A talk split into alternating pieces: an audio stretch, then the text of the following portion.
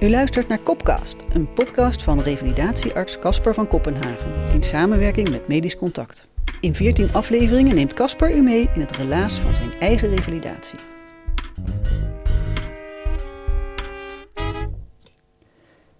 Differentiaaldiagnose. Dat moet je ruim zien. Ik struin over de kamer in het ziekenhuis. Mijn eerste wandelingetje. Geen vaste voeten onder de aarde. Mijn hemel. De wereld draait om me heen. Ho, even rusten. Ik houd me vast aan de rand van het bed van mijn overbuurman. Ik lig op een gemengde kamer van zes personen op een acute afdeling van een topklinisch ziekenhuis. Er ligt hier van alles. Van acute appendicitis tot collaps-ECI. Dat laatste zou over mij gaan, begrijp ik. De vrouw naast me heeft de hele nacht liggen jammeren, spreekt helaas geen woord Nederlands, dus ik kan haar niet helpen. De man tegenover me spreekt ook geen Nederlands, maar plat Haags. Zo, alles goed gozer, je staat te her als een paard. Nou ja, dat had ik gisteren ook. Ik dacht dat ik heel wat was. Maar dat been van me joh, het sloopt me. Moet je kijken wat een been. Hij rukt de dekens van zich af en ik kijk recht op een zee aan tatoeages. Verder is het been vooral heel dik en heel rood. Komt dat door de tatoeage, probeer ik. Nou nee, die, uh, die is al uh, jaren oud. Die Samantha hier, oh, dat is intussen mijn ex, wijst op een tekening van een vrouw. Maar die knappe koppen weten het hier ook niet precies. Zo, iedere dag zo'n zante kraan van witte jas aan mijn bed. Het mag even wat kosten. En dat heet ook iedere dag anders. Ik heb iets met erytifus of zo. Erysipelas probeer ik. Ja, erysipelas ja. Nou je het zegt, erysipelas ja. Maar uh, heb je daarvoor geleerd of zo?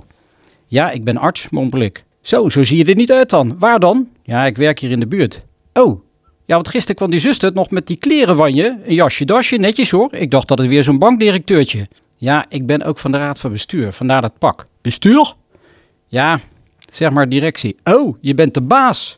Nou, dan heb je niet zo goed lopen besturen gisteren, dat je hier bent. Maakt ook geen reet uit, want ziek worden we allemaal.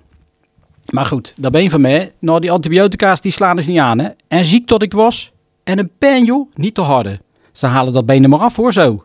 Ik heb ook covid gehad, maar dit slaat alles. Ik zal vet niet zeuren, dat doen we niet in Scheveningen.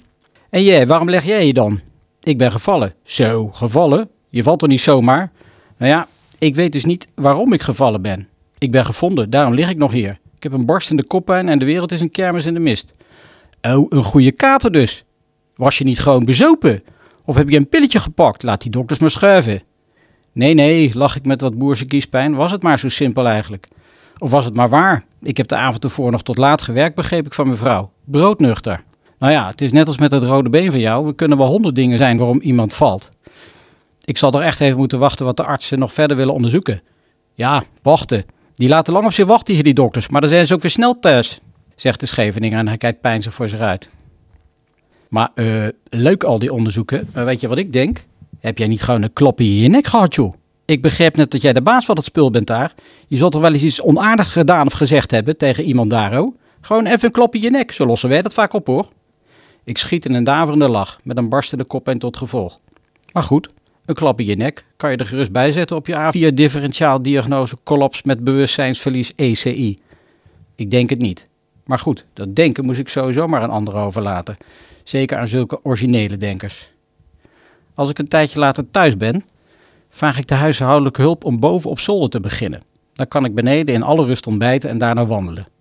De herrie van de stofzuiger kan ik gewoon niet velen. Je verzint het niet. Wat heb jij eigenlijk, zegt ze. Ik werk hier al jaren, maar jij bent er nooit. Altijd maar aan het werk. Ben je ziek of zo?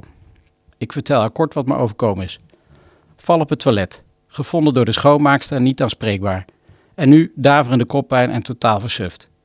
We weten dus niet precies waarom ik gevallen ben. Ze kijkt me aan. Jongen, wat een ellende. Ook voor die vrouw die jou gevonden heeft, zeg. Maar je hebt genoeg over in dat slimme kopje van je, dat komt wel goed. En net voordat ze de mop in het sop steekt om de al glimmende vloer nog verder te laten blinken, draait ze zich om. Je weet niet hoe je gevallen bent, zei je toch? Die val. Was dat voor of nadat de schoonmaak daar geweest was? Pillen, drank, klapjes in je nek, uitgegleden over gladde vloeren. Tja, zo'n differentiaaldiagnose. Je moet het echt ruim bekijken. Multidisciplinair en met out-of-the-box denkers, zou ik haast zeggen. U luisterde naar revalidatiearts Casper van Kopenhagen. In de volgende aflevering van Kopkast. Even later schrik ik wakker. Iemand knijpt in mijn teen. Sorry dat ik u stoor, maar ik ben de dokter van de neurologie. Ik heb u gisteren ook onderzocht en ik heb mijn supervisor, de neuroloog, meegenomen. Ik ken haar niet, maar schud van ja. Kopcast, een podcast van Medisch Contact.